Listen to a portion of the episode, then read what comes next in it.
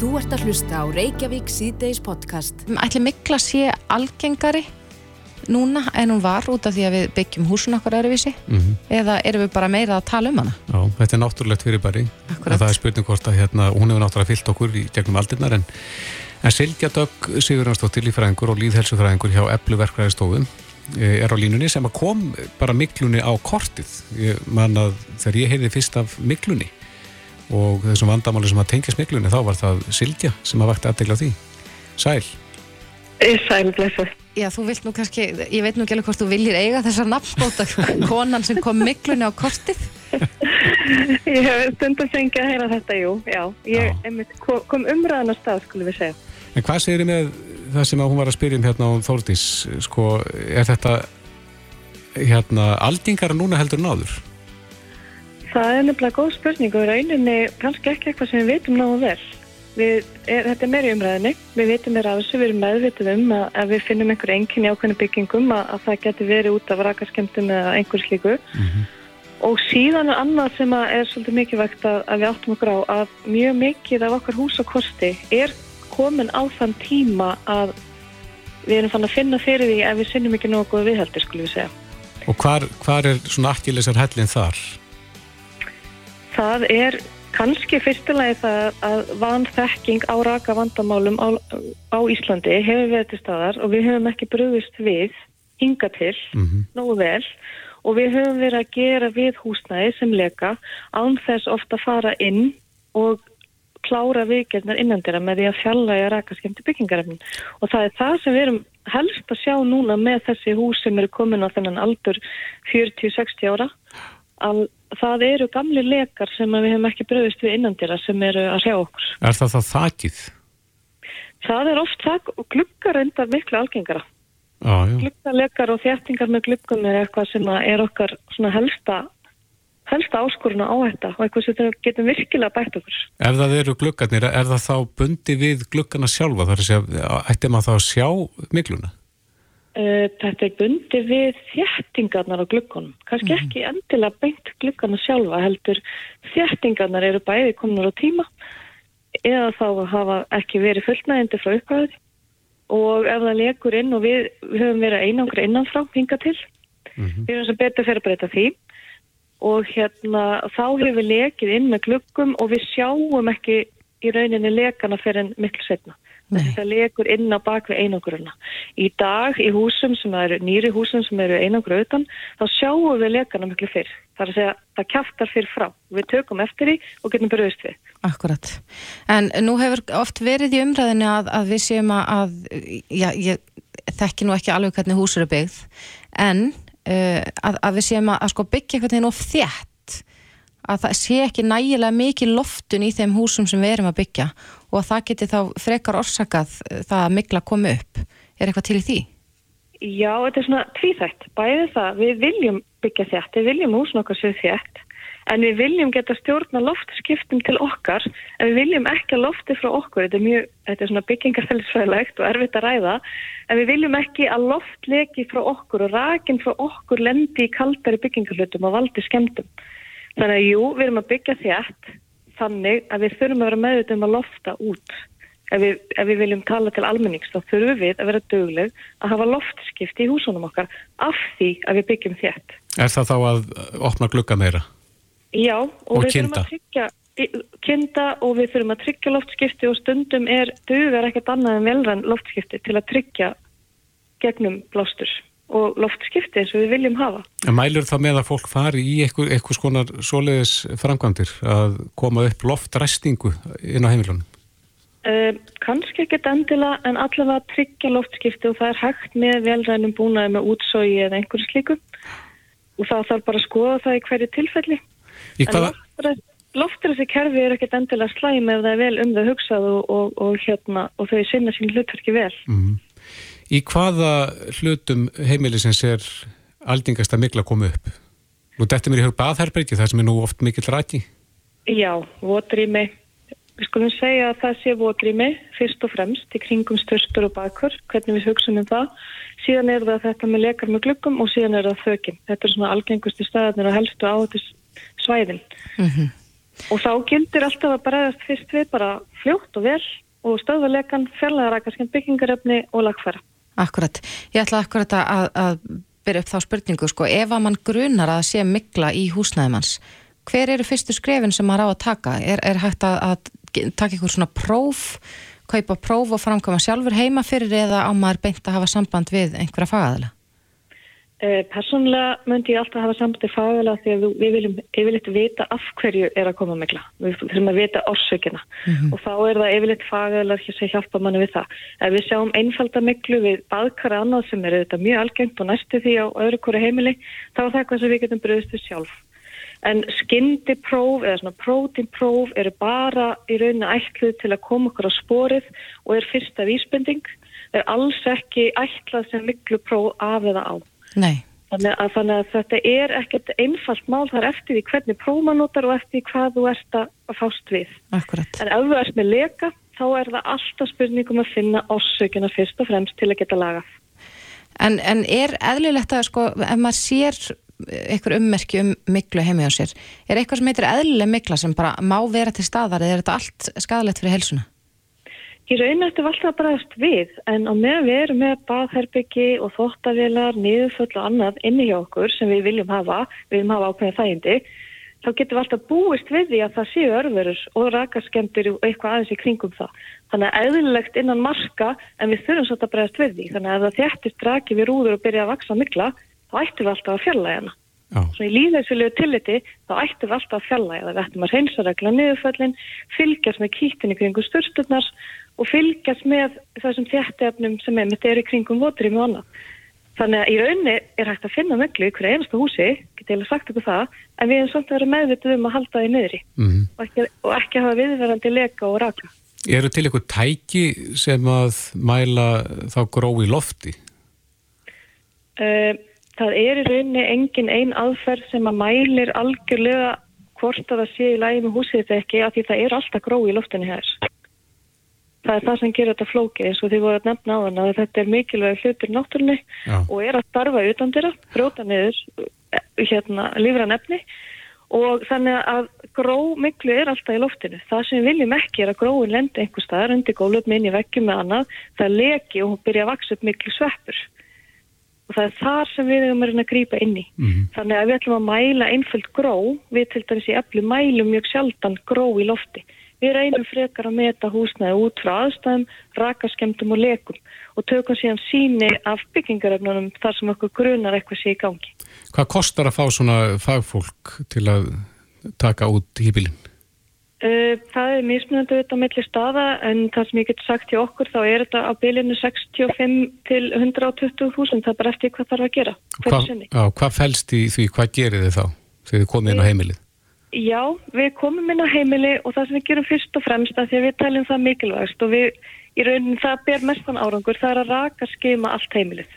Alla það staði sem við þekkjum í kringum glukka, hurðir, votrými og það sem er möguleiki á leikum við raka skemum og síðan út frá því ákveðu við hvort við þurfum að taka síni eða hvort við reynilega kom bara beint út í rákjöf af því að raka skimin gefur okkur nægileg svör oft til þess að meta áhættu á hvort það sé eitthvað til staðars.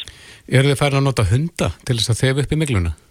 Uh, við hjá öllu notum ekki hunda. Við notum þessar aðferðis, við skoðum byggingaræðisfræðin og hvernig byggingi virkar og hvernig uppbyggingin er og við bara í rauninni siðferðislega viljum ekki nota hunda af því við teljum að við getum fundið vandamálun á þess að þurfa að útsetja dýr til þess.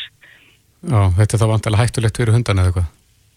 Uh, við allan viljum ekki taka þá áhættu að, að hafa hund ofan í, í miklu með nefið. Þannig að það er ákveðin sem við bara tókum mm -hmm. og við teljum okkur finn, ná, ná árangri með þeim aðferðin sem við erum að nota í dag.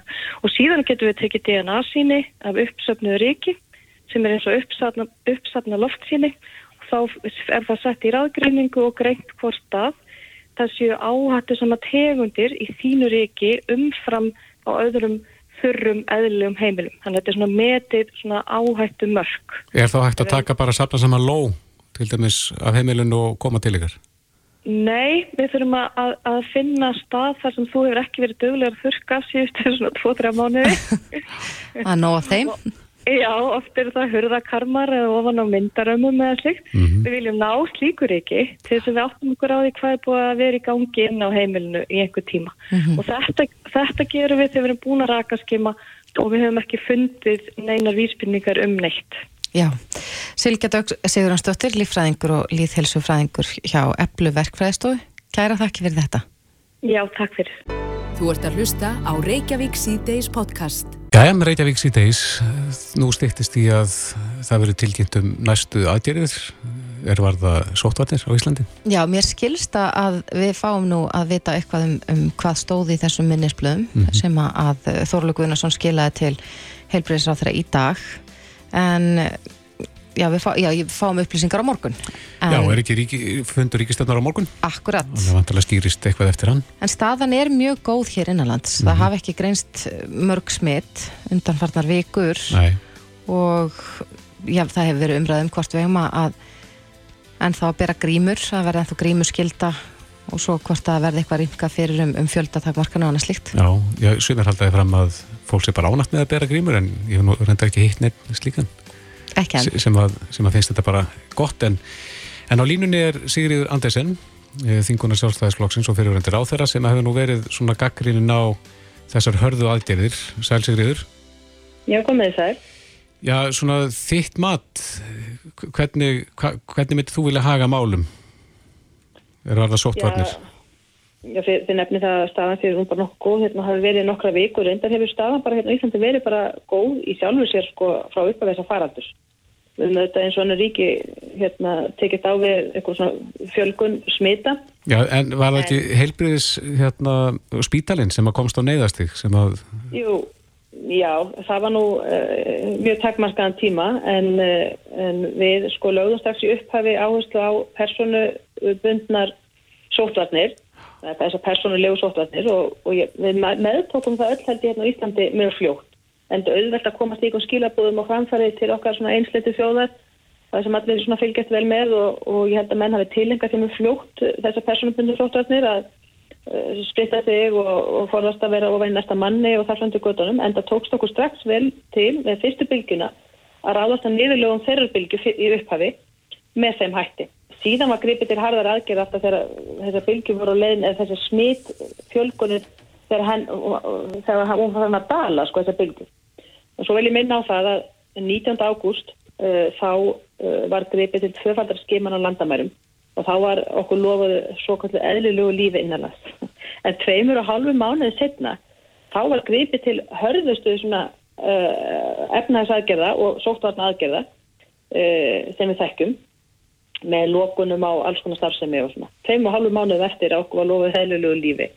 Og við erum ekki ennþá búin að fá þetta líf okkar tilbaka en uh, og nú er svo komið að, að það er búið að mann trista greinlega ekki einni skimun og ekki tveimur, heldur er búið að bæta þriðjur skimun á landamærum. Og ég hef efasendir um, um það út frá já, margvíslegum svona sjónarhólum ekki síst lögfræðilegum eins og ég hef bent á nýra á þingi Uh, og þá líka tæknilegum og svona praktískum. Hvernig það er að framfylgja þessu? Að, að hvaða leiti? Já það líka til dæmis fyrir ég menn það komur strax upp uh, sko ábendingir um það og það er auðvitað ekki að banna Íslandingum, íslensko ríkisborgurum að snúa aftur heim til Ísland þannig að það var nú strax svona hálfum sólarþingaldi eftir að þetta var alltaf að bóða þá að það dreyði tilbaka að þetta ætti að eiga við um Íslandinga uh, og ágætt í þjálusvist hins vegar þetta likur fyrir að, að menn geta hvorki Íslandingar og sérstaklega kannski ekki útlendingar í öðrum ríkum mm -hmm. það, sem þetta eru þar. Gengja til vís að þeir geti fengið svona PCR skimanist uh, þar að segja einnkjana laust fólk víðast hvar á ekkert hérna, hægtum vik að fá þessar skimanist þannig að þetta, þetta setur ákveðna pressu á heilbríðskerfin í mörgum löndum ef að ríkjalla var að taka upp svona að þá er þetta svona auka álag á heilbreyðskerfið í löndum og þar á meðal Íslandi, ef það er önnu ríkjast að taka þetta reglu líka gagvart eins og komur á Íslandi, þá myndir það skapa auka álaga á Íslands heilbreyðskerfi að, að fara að skema útendinga og annað sem hérna eru stættir mm -hmm. í, í tíð og, tíð og uh, gríð og erð. Þannig að þetta eru svona atrið sem að, ég held að menn hafa ekki alveg hugsað til enda. Þriði atriði þessu líka til dæmis er varandi gæltöku á slíkum aðgerðum en uh, alþjóð heilbreyðsmála reglugerðin sem að við höfum nú innleitum byrstum loksins, sentum síður þegar búið var að benda á það að hún hefði ekki verið réttilega innleitt hérna en við tökum þátt í því samstarfi sem var það samstarf á landamærum út um allan heim. Uh, hún hverður alveg skýrst á um það að ef að menn ætla að vera með eitthvað svona aðgerður á landamærum að þá sé ekkert að taka gjald fyrir það. Þá verður það að vera uh, hérna, borðið af viðkomandi ríki. Og það er svona, þetta er svona á gráu svæði sko, að menn gera kröfum það að, að menn fái sér prófvext af ellendis og komi síðan og framlýsi því hér á landamærum hver er að greiða það og bera það. En nú er sem sagt það að svo að, að menn er að, ég veit ekki hvernig því hefur verið hátt að menn að það var að sekta menn sem koma, hafa ekki náða að afla sér svona prófs, mm -hmm. allt er þetta mjög gráu svæði. En þetta er kannski svona eh, eitt af þessum aukaðaturum en ég bara bendi á það. Ástæðan fyrir því að menn eru, hlýtur að vera, að menn eru að bæta við þriðjöf skimunni. Ég reynda að það er þetta, akkur ekki bara fjórðu, akkur hefur ekki fimm skimanir. En hún er þetta svo að að þetta skimanir, þetta er, þessi próf er auðvitað ekki hönnuð í þessum tilgangi að uh, skima einkennalöst fólk og uh, þegar það þarf að fara að skima mörgu sinnum, gera mörg próf og fólk getur að særa fram einkennalöst uh, smitt, upplýsingar um smitt þá auðvitað líka má vettu þeirri spurningu sko, hversu rosalega skæð sko veirin við orðin þegar það þarf að kafa svona djúft djúft eftir henni. Mm -hmm. Þetta er nú eitt, en núna likur fyrir að, að menn eh, ætla nú eitthvað að fara að ringa að landi sjálft allt er komið í sóttkví. Það, við meðum ekki gleyma því. Með þessari þriðju skimun þá erum við í rauninni búin að loka í rauninni landamæran hérna og uh, allt landi er komið í sóttkví og það er auðvitað til umhjóksunar fyrir okkur hvort að við ætlum að halda því áfram. En ef við ætlum að gera það því mennur að kalla eftir að hérna verið ringa þá legg ég áherslu á það að við erum að kannski hverfa aftur núna til þess tíma þegar við vorum við upphaf þessarar bylgu, upphaf þessara faraldurs og uh, leggja ríkar áherslu á persónubunda sótvarnir. Þeir noti grímu sem að vilja gera það, menn hver og einn gæti að sjálfum sér. Uh, þetta er besta, við erum vist þetta að vera besta, hérna, uh, best bestu sótvarnar aðgerðirnar en það er að halda áfram að vera með einhverja grímu skildu og, og allar þessar lokanir áfram eða takmarkanir.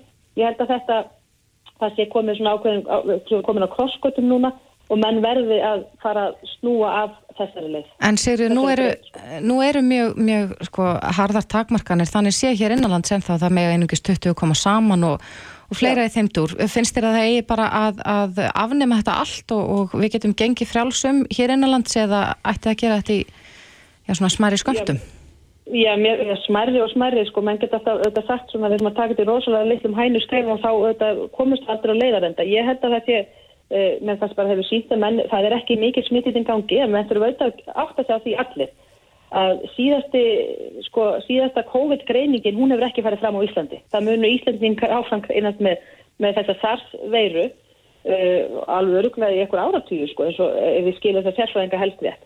Eh, þannig að menn þurfa, það þarf auðvitað áfram að brína fyrir fólki og menn verða að halda áfram persónu og sóttvörðum og það verða að vera sóttvarnar aðgerðir í gangi. Og ég held að það fari best á því að menn gerir það núna, þeir sem eru viðkvæmi fyrir, nú náttúrulega líka fyrir að við erum að klára bólusiti okkar elst á viðkvæmasta hóp, bara núna næstu vikum.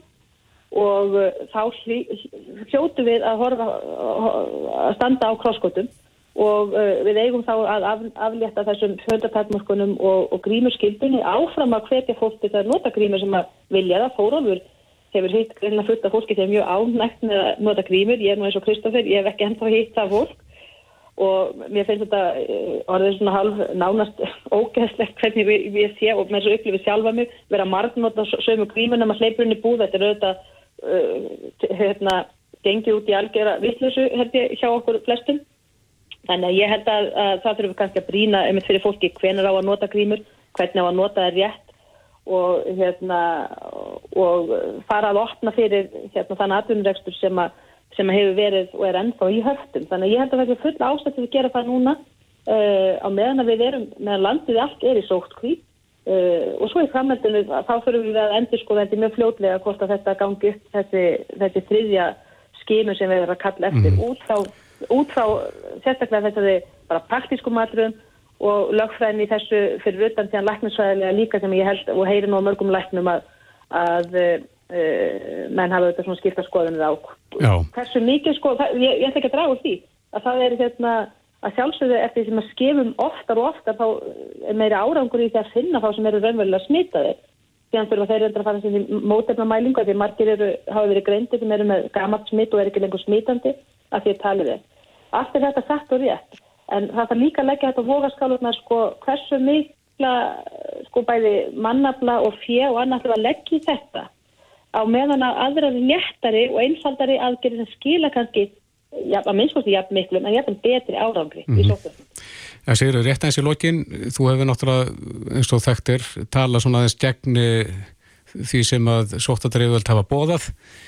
Hefur... Ég er ekki, ég er ekki alveg sammála því að ég hef sko heilsugan tekið undir uh, ábendingar sóttvarni yfirvalda um personabunna sóttvarnir og lagt áherslu á það að þetta skiptir, svo horf ég ef ég bara verið að greina þessi gögn og hérna og, og, og þessi smitt og hvernig þau hafa og þessi bylgi hefur komið yfir okkur fyrsta og önnur og ég held því að við telja þrjálfbylgjur hérna í Íslandi.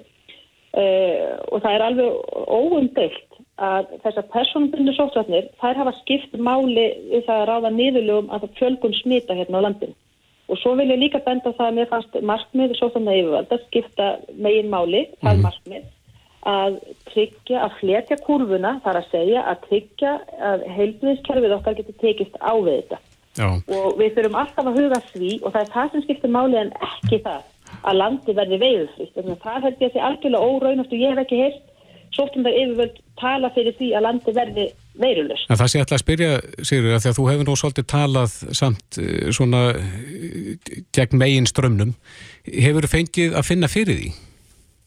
Nei, alls ekki. Ég menn ég, og ég hef ekki betur, heist en það meiri því að sótvæðsnaðið, það hefur fagnat, fagnat ábendingum og, og svona gaggrinn sem hefur framkomið og, og þau hafa eitthvað að svara því og uh, ég er sammálaðið með sund og, en sund annað, annað ekki. Aðalega hef ég lagt áherslu á líka í henni pólitíska svona andrumslofti og veruleik og gagvast almenningi á borgurunum að allar, allar ákvarðan sem teknar eru að þær sér teknar með gagsæjum hætti og þessi upplýst nákvæmlega um það hverja fórsöndunar eru. Og mér hefur fundist það vatta að þessi upplýst um nákvæmlega eh, hvert er markmiðið með aðgerðunum. Af því ég heyri það bara hjá almenningi að sömur halda það sé og almenningur heldur það sömur að, að hér sé markmiðið að halda bara landinu veiru fríu og því þið töluðu hérna hófuð þetta spett hérna við mig á að segja en nú er ekkert smit hérna í gangi við skulum ekki verkast í valum það að það eru fullt af ístendingum sem eru með SARS veiruna í sér, einhver staðar. Það þurfum ekki að gera ráð fyrir neinu öðru. En við þurfum bara að tryggja það að heilbreyðkerfi getur glýtt við það. Til þess er, er nú spítalinn sko. Hann er ekki til þess að standa tómur eða taka ekki móti fólki. Þannig að við þurfum að uh, þjóðfélag og hérna, uh, samfélagi þarf að ganga, þurfum að annað gang og við þurfum alltaf að að lifa okkar lífi. Annars væri þetta nú tilgangslust að vera hérna sko, nema ef við getum farið í leikús og tónleika og allt þetta sem við höfum gaman að gera og hýtta fólk og og halda heimabóð og hvaða er. Eh, þannig að við, eh, það þarf einhver, einhver, einhver tímapunkti þarf einhver að segja hefur nú erum við á krosskotum og nú ætlum við að, að hérna bregðast við með öðrum hættin þessum, þessum endalösu uh, lokunum og, og, og höftum. Við verðum að setja, á, við verðum að setja punktin hér, Sigriður Andersen. Kæra þakki fyrir þetta. Já, takk svo leið. Hlustaðu hvena sem er á Reykjavík C-Days podcast. Reykjavík síðdeis á bylginni, það er staða ferðamála sem hefur verið tíðrætt um. Já, en það hefur ferðarþjónustan uh, mátt sæta mjög þungu höggi síðastlega ár. Á línunni er Kristján Sigur Jónsson, hann er rittstjóri turisti.is. Uh, Kristján, Íslandi er ekkert eiland þegar það kemur að stöðum ála í, í ferðarþjónustunni? Nei, síðan svo, þetta er bara erfist að við styrja út um allan heim og, og, og við sem nefnda tölverk landamæri opnast og, og til dæmis bara með Schengen og Bandaríkin og Kanada verður mjög mm -hmm.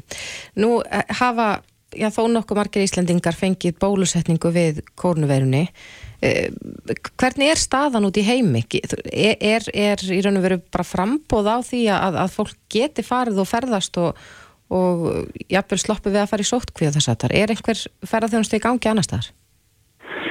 Jó, hún er náttúrulega með einhverjum hætti en, en það er ennþá þannig að innan flestra landa er náttúrulega er mjög mikla takmarkanir þannig að það er spurning hversu skemmtilegt það er að, að vera ferðamæður og svo er það náttúrulega þannig að þú þarfst að verða út um vottorð og þess aftar og þau kostu eitthvað og hérna það er 15-25 krónur svona að jöfna þið síðast yfir aðtöði að fá vottorð bæði á Íslandi og svo út í heimi og nú heldur til Íslands þannig að það er eitt og sér líka ákveði vandamál uh, en ég held að svona, það sem dregur úr ferðin flestra núna eru bara þær takmarkanir sem ríka í, hverju landi fyrir síg. Já, Jóhannes Bjarni Guðmusson, uh, flugstjóri, hann uh, skrifa grein inn á vísi.is það sem hann er að tala um að það sé miljónamarkaði ferðarþjónustunnar til staðar.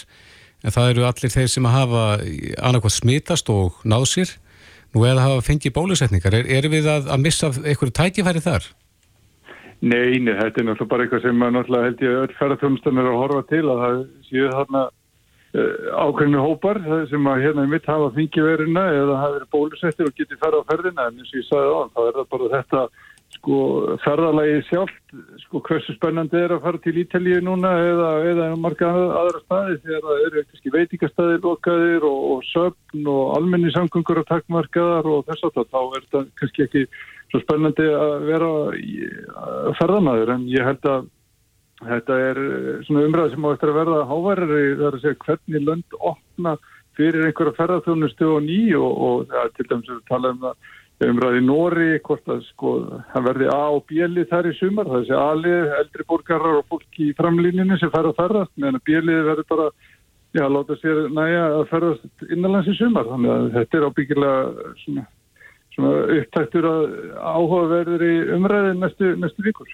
mm -hmm. Ættum við að marka setja Ísland sem paradís fyrir þá sem að nú þegar hafa smitast eða fengi bólusetningu, þar sem að, þessi hópurinn eru Eh, já, þarf ekki að sæta sömu aðgerðum á, á landamærum og aðrir. Og hér er líka vel flest opið?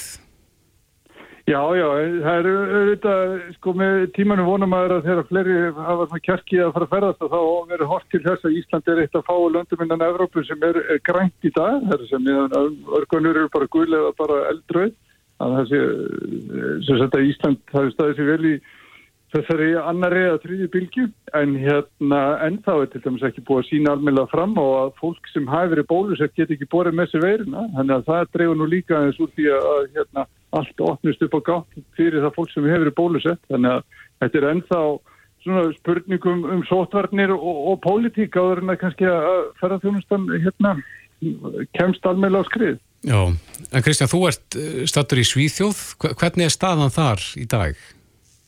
Já, það, hér eru menn uh, bara alveg þrætti við að það sé svona fara, þetta sé að fara upp á við á ný, hann er að hérna og síðan hafa svona loka landamærin sínum með miklu meiri afgerðandi hætti núna kakvart grannríkjónum uh, en ennum gert var til dæmis í fyrra og, og þannig að það eru til að vera breytingar, þannig að hérna það er ennþá engin svona björnsýrnistótt hér frekar en kannski í, í Nóri og, og Danmarku. Er alminningur ósáttu við hvernig hefur þið haldið á spilónum varandi þennan faraldur?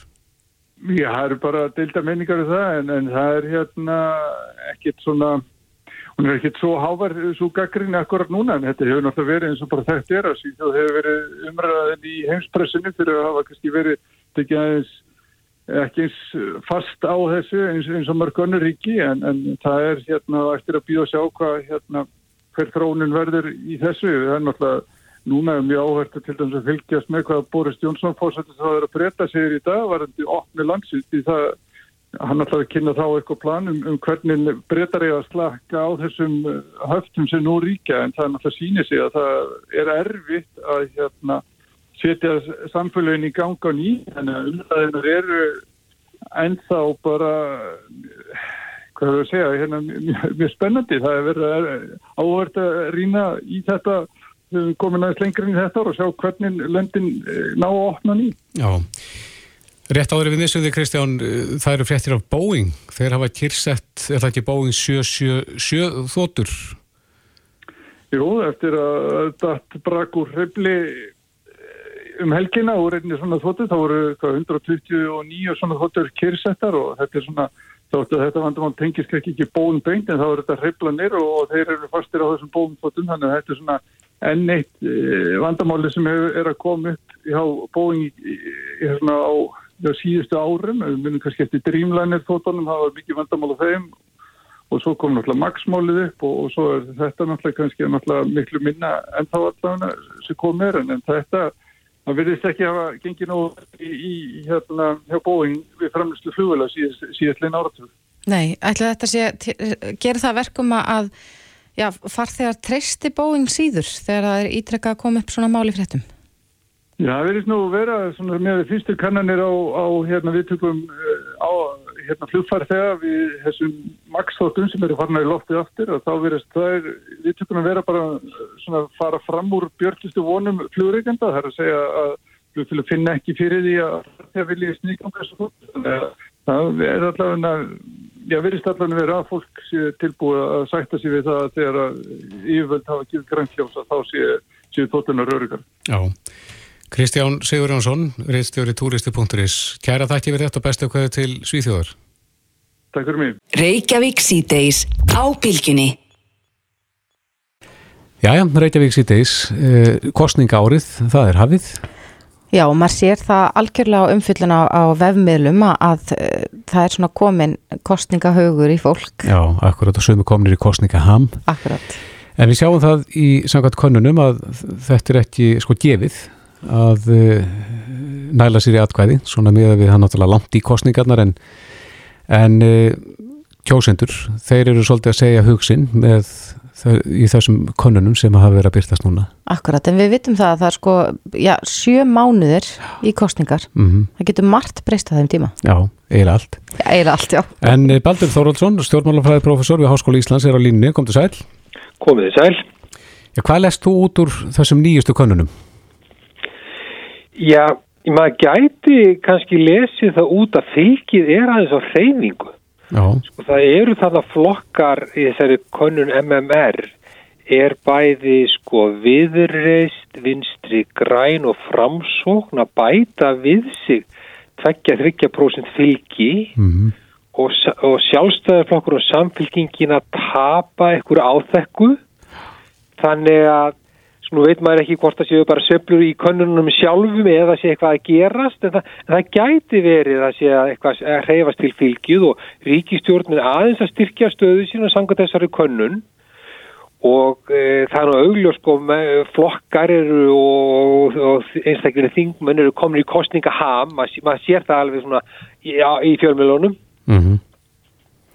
Já, menn eru svona já, fara ímest í, í próftjör eð, eða uppstillingu og sínist þér á þessari, þessu nýjustu konunum að, að samfélkingi sé að tapa á þessum, þessar uppstillingu sinni? Og vali á, á lista? Það er sko, það er sko erfitt að segja nákvæmlega hvað það er en í augnablíkinu sko er hún ekki minnst að styrkja stöðu sín á því en uh, það gæti kannski gæst ef að nýjir frambjöðundur fara, fara, fara að sprikla mm -hmm. og láta til sín taka. En þetta hefur kannski verið erfið umfjöldun uh, fyrir samfélkinguna undarfærin, undarfærin misseri að þetta sé sko einblínt á, á þetta. En svo er líka gaman, ég hef haft gaman að ég fylgjast með framsóknarflokknum undarfarna vikur sko ráð þegar hans eru sko, maður opnar svo ekki fjölmiðlil að þeir séu ekki þar. Mm -hmm. eitthvað staðar, að finna. Framsvöndaflokkunu augljóslega í miklum kostningar ham en það sko þurftan verulega á því að halda að styrkja stöðu sína. Hann er búin að vera að mælast allt þetta kjörtegabil með fylgi minna fylgi heldur en að fekki í kostningunum og reyða nú ekki feitum hesti frá þeim síðustu kostningum en núna er aftur, uh, er hann að styrkja stöðu sína það verður svona frólægt að sjá uh, hverju mun framvinda með, með flokkin á næstu vikum. Hefur hann svolítið verið að lenda milli uh, vinstri græna og, og sjálfstæðisflokksins í þessu samstarfi? Já, einhverju leitu kannski aðal, þetta er náttúrulega erfitt, sko náttúrulega, sko miðflokkurinn er náttúrulega stórun hluta til bara beitt klopningur úr framstaflokkur. Mm -hmm. Þannig að það, það gerir náttúrulega flokknum dálítið erfitt fyrir. Hann er búin að missa dálítið stóran kjósundahópi yfir til miðflokksins. Ég held að það sé nú aðalega sé kannski að gera hann erfitt fyrir en, en ráðferðarflokksins hafi verið mjög ábyrjandi í umræðum um minnskjöldum sínamálaflokka. Akkurat. En, en ef við lítum á miðflokkin þá verist hann nú samt vera að mælast tölvert lagri en, en hann gerði í kostningunum síðustu. Já, fylgi hjá miðflokknum hefur uh, daldið sveplast á kjörtímabilinu og það er kannski eins og hafa, hafi orðið svona fyrirtáldi svona e, langtíma áfalli eftir þarna klustursmálið ferð þeirra félaga á, á, á barinn. Mm -hmm. kannski hefur það eitthvað skadaðan og, og flokkurinn hefur kannski ekki látið mikið til sín taka í þessari COVID umræðu, maður kannski held að myndi gera það meira en hann hefur ekki verið eins mikið ábyrrandi eins og hann hefur oft verið á kjörtíðanbílinu eins og þegar varðandi, varðandi orkupakka Európusambandsins og fleiri mál þar sem hann let verulega í sér heyra og þá jógst fylgjans. En ég hef samfarið um að Sigmundur Davíð munu koma aftur í umræðinu á fullum krafti fyrir kostningabortu. Já. Kost, en hvað með litlu frambóðin? Uh, Samkvæmt þessari konuna þá á flokku fólksins undir höggasætja og og sósialistaflokkunni, er, eru þessi tveir flokkar að berjast um sömu atkvæðin? Já, einhver leiti líklega eru þeir að gera það e, gera það og, og sósialista gætu tekið eitthvað að vinstri grænum og þeir eru líka náttúrulega berjast við atkvæði uh, við miðflokkin hefði maður, hefði maður haldið og það verður eins og þú segir sko mjög spennand að fylgjast með gengi þessar að tekja flokka, flokk fólksins og sósilista, hvort þeir ná yfir 5% eh, múrin eða ekki.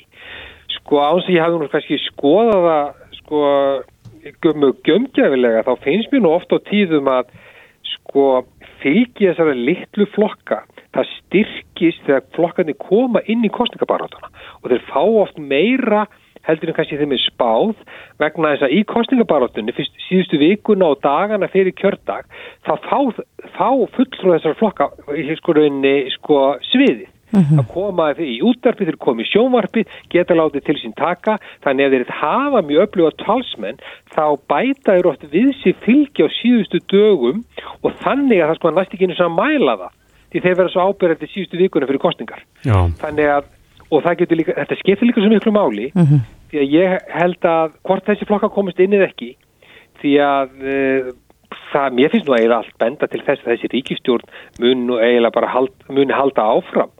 E, þetta stjórnarsánstarf ef þessi flokka ná meir hluta þá muni halda áfram. Þá getur það skiptið verið um einhverju máli hvort þessi flokka komist inn eða ekki að, út frá því hvort að stjórnin haldi meir hluta ekki. Því leiðu flokku fara 5% fylgi þannig að það er að þrejum þingmönnum inn ef þessi 4,9 er engi þingmöður Akkurat, en nú hafa líka fleiri sko uh, sagst ætla að bjóða sér fram eða það er þessi uh, frjálslindi líðræðisflokkurinn sem ætlar að bjóða fram núna í næstu kostningum. Guðmundur Franklín og félagar. Akkurat, er þessi flokkur í raun og veru bara að keppast um sömu á atkvæðinu og þessir litlu flokkar sem við rættum um hér aðan? Já, líklega er það, líklega er það miðflokkurinn, flokkufólksins, sósilistar, já, ég held það og þetta svið þegar nú að verða fullskipað af þessum flokkum sem er að sækja í þetta, sækja í þetta, þetta fylgi þannig að ég held að veri nú erfiður, erfið fyrir nýja flokka að bætast inn í, í, í baróttunum þetta fylgi. Já, en þegar við tölum um þetta fylgi, hva, hvaða hópur er þetta sem að þessi flokkar er að tala inn í? Þetta er eh, kannski fólk sem eh, sko hefur kannski svona lagri en meðaltekjur í samfélaginu, öryrkjar, eh, ellilífurstegar sem finnst að bera skarðan hlut frá borði í dreifingu gæða í samfélaginu, finnst að ekki hafa málsvara í hennum hefbundu flokkunum á þingi og hefur einmitt verið að líta til, e, líta til flokks fólksins e, sósalist ekkur leiti og miðflokksins hvað þetta var. Það finnst rauninni að að fulltrúar sjálfstæðisflokks, vinsti grætna, samfélkingar og framsókn hafa, hafa, hafa brugðist. Er þetta óanægu fylgið? Stundum er það kallað óanægu fylgið, ég veit ekki alveg hvort við ættum að kalla okkur það en, en þetta er fólki sem er óanægt með það að, að það sé skertu líðra hérna líferinn e, hvort þessi ellilíferinn eða örörkubætur um leið og fólk fyrir að hafa einhverja tekjur og finnst að flokkarnir hafa, hefðbundu flokkar hafi, hafi, hafi svikið lofvort um að breyta þessu. Mm -hmm. En þú nefndir áðan að ef að þessir flokkar ná ekki tiltekinni prósentu, 5% að þá komast inn á þing og ef að það gerist ef það eru mörg lítil frambóð sem að örlög þess verða þannig að, að þá er hansi mörg atkvæði sem falla döðu niður? Æði mörg sem falla döðu niður, ég myndi draga þá álöftuna á því að þá er það auðveldara fyrir ríkistjórnana að halda meiru hluta því að sko það myndur nú teljast til mikill að tíðinda ef að þessi þrýr sko gömlu flokkar, sjálfstæðisflokkur, framsóknarflokkur og vafgi, ef þeir fá ekki það mikið fylgja þeir halda ekki meira hluta.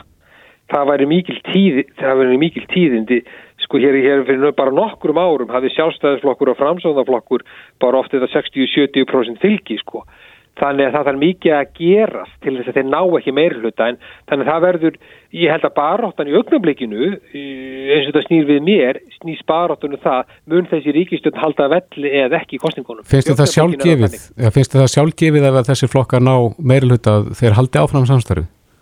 Það er ekki sjálfgefið en ég uh, myndi telja að vera meiri líkur á því en minni að þeir gerðu það já. Væri það stílabót til þessara flokka að, að þeirra áhengandur vilja sjá áframhaldandi samstarf? Að vissu marki, já, því að ég hugsa að þeir sem séu mjög óanæði með þetta samstarf og þá er kannski einhverjum að finna enni vafgi, mm -hmm. þeir munu kjósa aðra vinstiflokka til þess að gefa, gefa þau skilabóð þau vilja að, að, að, að vafgi sé ekki stjórnarsamstarfi með sjálfstæðisflokki og framsók. Mm -hmm. En Baldur, nú eru sjö mánuður í kostningar. Er þetta spennandi tímar framöndan að þínum átti? Getur allt breyst? Já, já, ég held að það sé nokkuð, nokkuð spennandi því að ég held að það marg spennandi var að hvort að stjórnin heldur velli eða ekki, hvort að nýju flokkar koma inn. Ég held að það sé líka vera meiri endur nýjun í, í stjórnmálunum heldur margi vilja vera láta eða held að yrði Við sjáum það að það munu, munu nýtt fólk leiða lista bæði samfélkingar og vinsti grætna í nokkrum, nokkrum kjördæmum. Það er verið að skora á, skora á og, og, og, og deila um sko oddvitasæti hjá sjálfstæðisflokknum. Við heyrðum, sáum það bara í fréttum í morgurblæðin í morguna að oddviti flokksins, Pál Magnússon í Skorar og Holm, að vilja með árnarsinni, þingmanni mm -hmm þingmanni og, og, Guður, og Guðrún Haftustóttir og hver að gerði gæti bæstar í hópin. Það er óviss hver leiði lista sjálfstæðismann í norðvestri, jafnvel líka í norðaustri, þannig að jafnvel vera meiri breytingar uh, hjá, í fórustu flokkana heldur við heldum fyrir nokkrum vikum og það verður spennandi að fylgjast með prókjörnum flokkanan á, á næstu, næstu missurum. Já. Baldur Þóraldsson, stjórnmálafræði professor við Háskóla Íslands. Kæra þakki fyrir þetta. Þakka ykkur, verðið bless. Þetta er Reykjavík C-Days podcast. Reykjavík C-Days heldur áfram. Uh, Lauruglan vinnur nú að því að kortleggja ferðir sakbortninga í rauðgerðismálinu en, mm -hmm. en það eru nýju í haldi lauruglu, nýju í gæsluvaraldi út af þessu máli. Já, og þetta mál hefur nú vakið upp nokkra stóra spurningar. Já, svo sannarlega. Nú síðast byrtist fréttin á vísi.is þar sem að fyrirvændi aðstofar yfir lauruglu þjótt hjá lauruglun á höfuborgarsvæðinu segir að bæði sko heiðarleir lauruglumenn og almenning hafi árum saman bent á tiltekinni Íslending sem auðgast hefur gífurlega án þess að sína skýranlega afkomi mm -hmm. og að kvorkja aðstu stjórnundur fíknarrannsóknar nýja skatta yfirvöld hafi synd frumkvæðskildu til að kannamáli frekar en þessi Íslendingur þar sem hann e, talar um þarna er einn þeirra nýju sem sæta gæsluvaraldi í tengslu við rannsóknuna á morðinu í Rauðagerði. Já, og það ringdi til okkar maður í símatíma fyrir helgi sem að vinnur með ungu fólki sem er að reyna að losa sig undan fíkninni mm -hmm. og hefur svona kynst þessum málaflokki hansi vel og við skulum aðeins heyra það sem hann hafði fram að færa hérna fyrir helgi. Og þegar eitthvað mál komið upp, það vita allir hver gerði það, hver var valdur að þessu, hver seldi fíknefnin og lauruglan hlýtur að vita þetta alveg ja, vel og þessir einstakling undir heimar í ykkur 200.000 manna samfélagi hérna Stórreikjaðu hvers konar bull er þetta, er eins og lítið hverfi í New York? Erstu sem sagt að byggla til þingmanna að veita lauruglunni meiri völd og Já, og bara lauruglan þarf bara þá þeir eiga bara að gefa þeim völd. Vistu það, tóttlægvöld geta farið í skipi og rústa skipi sko, þeir þurfi ekki að finna meitt hlut þá eru þau búin að rétta þetta aðgerði sína mm -hmm. lauruglan fór núna í, ykkur miljard, miljard 20 miljónar konar grunn út á Arnanessi að leita og tókuð 30 miljónar konar reynsróver hvað er, er búið sko að tekjuflæðis einstaklinga, er þau hvaða rosalega tekjur hafa einstaklinga hérna, það kemur miljónun og reikningu á mér þá er ég spurðið hvað þessi peninga sé að koma. Já, þetta kom fram í símeti með okkur fyrir helgi og það er vona spurt síðan Akkurat, þetta er auðvitað alvarlegt mál og, og ég, það var þegar þess að frettir bárust að einn stærsti eiturlifja barón á Íslandi hefði verið handtekið í tengslu við þetta mál, það voru nú bara fjölmarkir sem að vissu upp að hár um hvern rætti. Já, e, Vilhelmur Átnarsson, þingmaður og fyrirvenandi lögreglumæður er á línunum, kom til sæl. Já, komið sæl. Já, þú heyrir hvað þarna kemur fram, allir vita en enginn gerir neitt. Hver, hvert er hlutverk lögjafans í þessu ábyrð? Já, það er mikið og, og, og, hérna, og það er mitt málið sko, sem hefur komið inn á þarna að lögjafinn þarf að sjá til þess að, að, að það séu allar þær heimildir og tól og tæki til staðar til þess að takast á við svona mál. Og líka að framkvæmdavaldið geti þá syndi að því að það er nefnt bæði lauruglan og skatta yfirvöld og annað slíkt sko skatta rannsóknir og svona Mm -hmm. og þetta þarf allt saman að ganga upp en náttúrulega þannig að það sé farið eftir samt reglum með réttaríkisins þannig að það þarf að finna einhverja hérna, einhver, einhverja millilegi þar og, og það er með það sem að hefur verið í gangi undan farin ár og er ennþá að það er bara þróun á þessu málum og ég man alveg eftir þessu frá því að ég var í lauruglunni að maður spurði svo oft þessara spurninga hvaðan koma peningarnir og hvernig geta höfupörarnir oft leikið svona lausum hala og lifa svona hátt og, og þannig er náttúrulega bara nærtakast eftir peningana. Hvað er peninga hérna þvættið og annars líkt? Og árið 2015 og þá var sem sagt stopnað ennbætti hérækslagsóknara þar sem að var sett og fótið með sér deild sem er þrískipt innan hérækslagsóknara um peningaþvætti og, og þá er það sem sagt bæði greiningadeild og svo rannsóknir á þessu og svo miðlun upplýsingar til annara stopnarna eða ennbætta og, og það er líka gert ráð fyrir heimildin til þess að endurheimt ólumett fjö og annað stíkt og þannig að, að svo starf sem er búin að vera byggjast upp frá 2015 og, og, og ætti þá vera komin núna í ágættis og við ættum að fara að fara að sjá áhrif á því.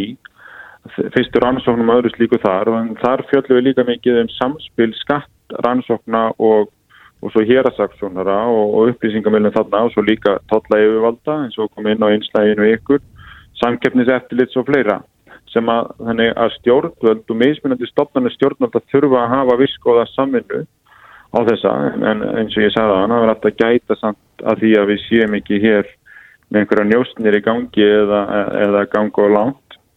En svo er líka fyrir þinginu núna breytinga einmitt á skattarins að embati skattarænsumstjóri gangin í ríkiskattstjóra að hluta til og eitthvað frekar til örglunar þannig að þá er kannski verið að stýtta þessa bóðleinir og auka yfirsýn mm. En það segir hérna fyrir ekki að Viljamur að í mm. samtali við vísi segir Árnir Þór Sigmundsson fyrirverandi aðstórið við örglu þjóttn að að korti aðstu stjórnendu fíknefnaransóknar nýja skattæföld hafi synd þessari frumkvæðis stildu að kannamálinn frekar. Af hverju heldur að það sé? Já, sko, það, það getur vel verið að, að það, og ég ætla ekki að útlöku það, að það vantir eitthvað frumkvæði og vilja til þess að, að ganga, ganga í þessi mál að einhverju leiti. Uh, einhverju leiti hefur kannski vantast svo einhverju heimildir og eins og því máli sem þetta ansvann núna er einmitt talað um það að vissar heimildir hérna sé vanti til þess að geta rannsaka svona máli ennfrekar en það er líka fleiri á þessari skoðingar eins, eins og átni þór enda var máli sendi hérasána til hérna rannsókn á, út á þessu mm -hmm. út frá því að þessi leki komin að því einhvern þótti þetta óæðileg og því var gerð á því rannsókn innan lauruglunar hvað hefur farið útskjörðis hvort það væri einhver ástæði fyrir því að frumkvæði væri ekki meira en þetta Og hver var niðurstaða þeirra rannsóknar? Já, það er eins og var að það tókst ekki eða, eða það var allan svo niðurstað að það var ekki farið í ákerru í málinu.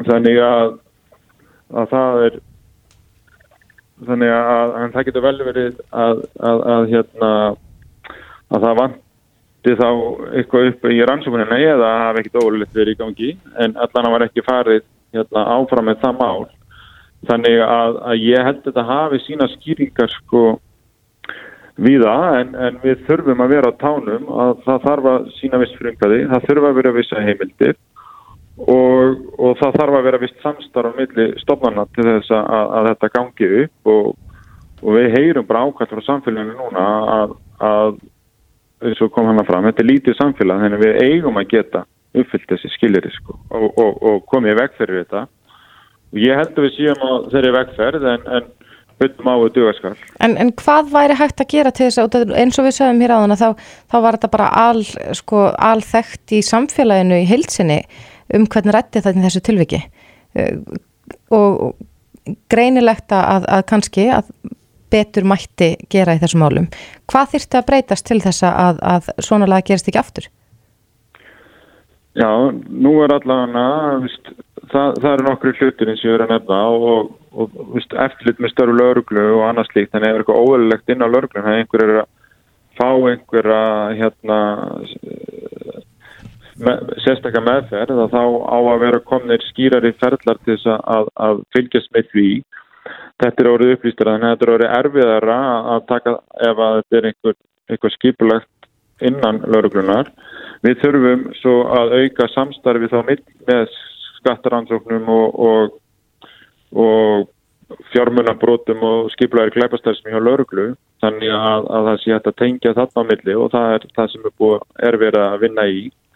Og svo getur vel verið að sé einhverja frekar í svona rannsónaheimildir og annað stíkt sem þeir þurft að skoða og, og þá þurfum við bara einmitt að að vera að horfa svolítið á það sem að lögregluna kalla eftir í gegnum skýslu greiningadeildar og annað.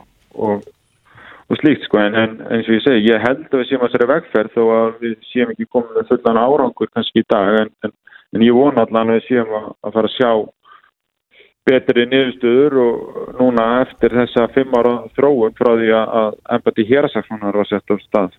Já. Viljarmur Átnarsson, þingmaður og fyrirvunendir lauruglumadur, kæra þakki fyrir þetta. Já, takk fyrir. Reykjavík síðdeis á Bilginni podcast.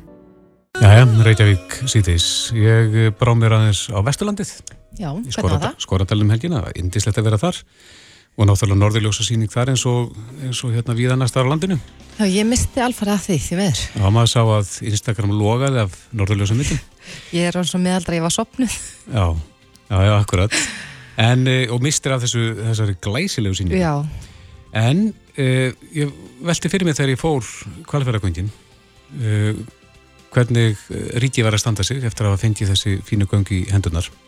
Akkurat. Gísli Gíslason, fyrirverandi stjórnaformaða spalar, uh, spölur er að því með stilst, gengið bara inn í vegjafina, komin í hendunar á þeim. Mm -hmm. En Gísli er á líninu, kom til sæl. Já, sæl og blessuð. Ég fó nú að velta þessu Já, fyrir mér, ég... hvernig, hvernig er ríkið að standa sig eftir að fengið þetta í hendunar? Já, sko, ég, ég, fyrir nokkru, við að tveimur árum eða þremur þegar við skilum 2018 í loka, september 2018 þá held ég nú að, að hérna, Þorgir hefði tekið sitt síðasta síntal við mig en að, lengi vona einu Akkurat. Ég er rétt að byrja, Gísli. Já, og þá erum við klárið hérna, Þannig að þú þetta búandi nokkru árið viðbútt Já, sko, það er Já, það er sko nú maður eins og hver annar vekkfarandi og, og svona segjum nú reyndar að við erum til til ánað hérna á Vesturlandinu að, að hérna það er uh, gengur vel með lagfæringar og kjálnesinu sem er náttúrulega gríðarlega mikið öryggismál mm -hmm. og um, en uh, mikið réttu spölur er til að nafninu í, inn í vegagerð en vegagerðin er með vöktun en það sem að við bentum nú á í upphafi þegar vegagerðin tók við að það var náttúrulega geysilegt öryggi að vera með mannaða vakt á staðunum mm -hmm. og um, það fannst okkur aftur för en það hefði svo sem gengið bara ágætlega hjá vegagerðin í resturinnum á gangunum um, meðal annars hafa þeir nú bætt við e, glítaugum á, á, á kantstein sem er veruleg bót. Mm -hmm, En það er hins vegar rétt að hafa í huga að göngin er náttúrulega orðin eh, hvað 22 ára.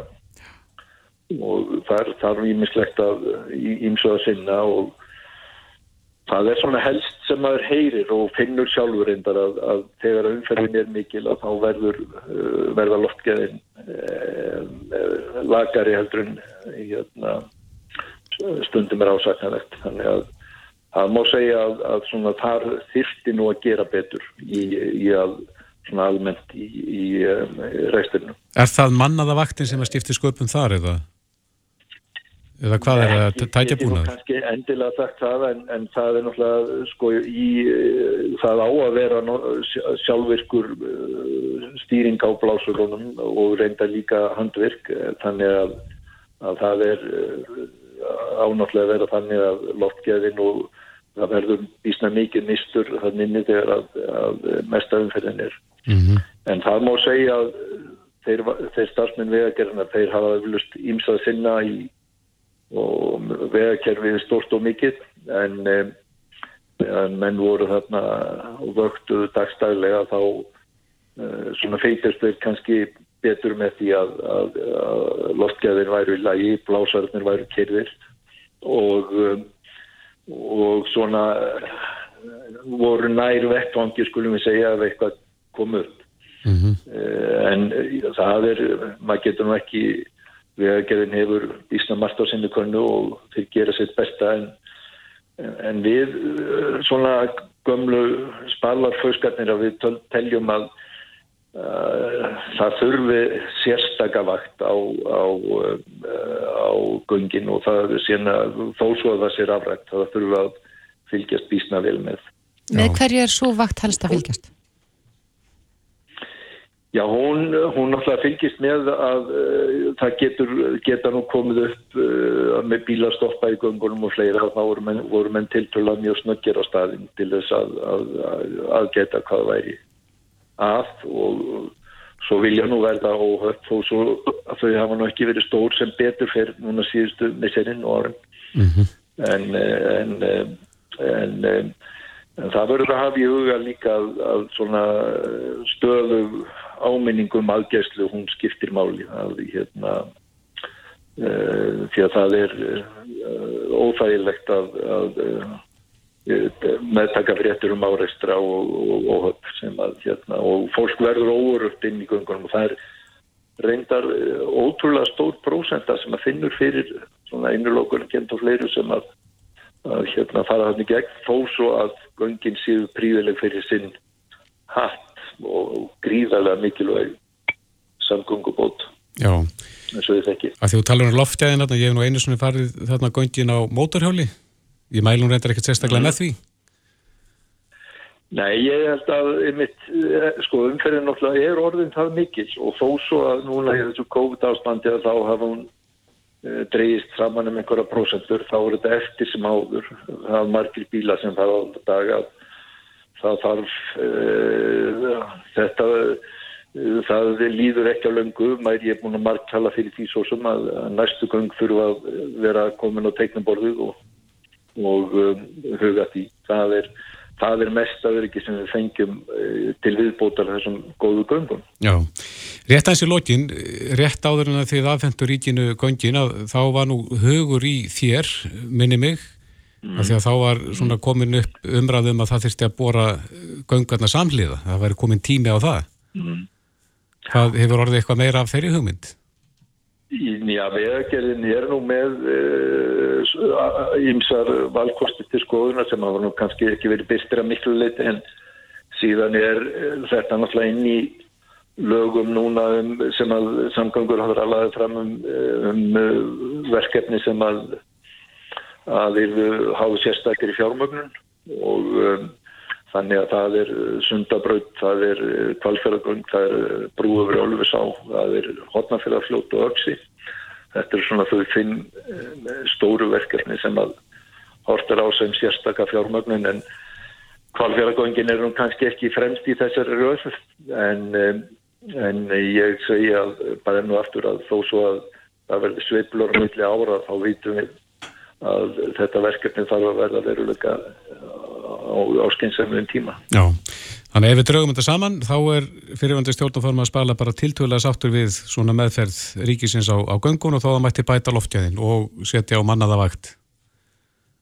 Já, þetta er ágætt, ágætt samantækt hjá þér og það þurfa bara að vera á vaktinni. Já, akkurat. Gísli Gíslason, kæra þakki fyrir þetta. Ekki málið. Reykjavík síðdeis á Bilginni podcast.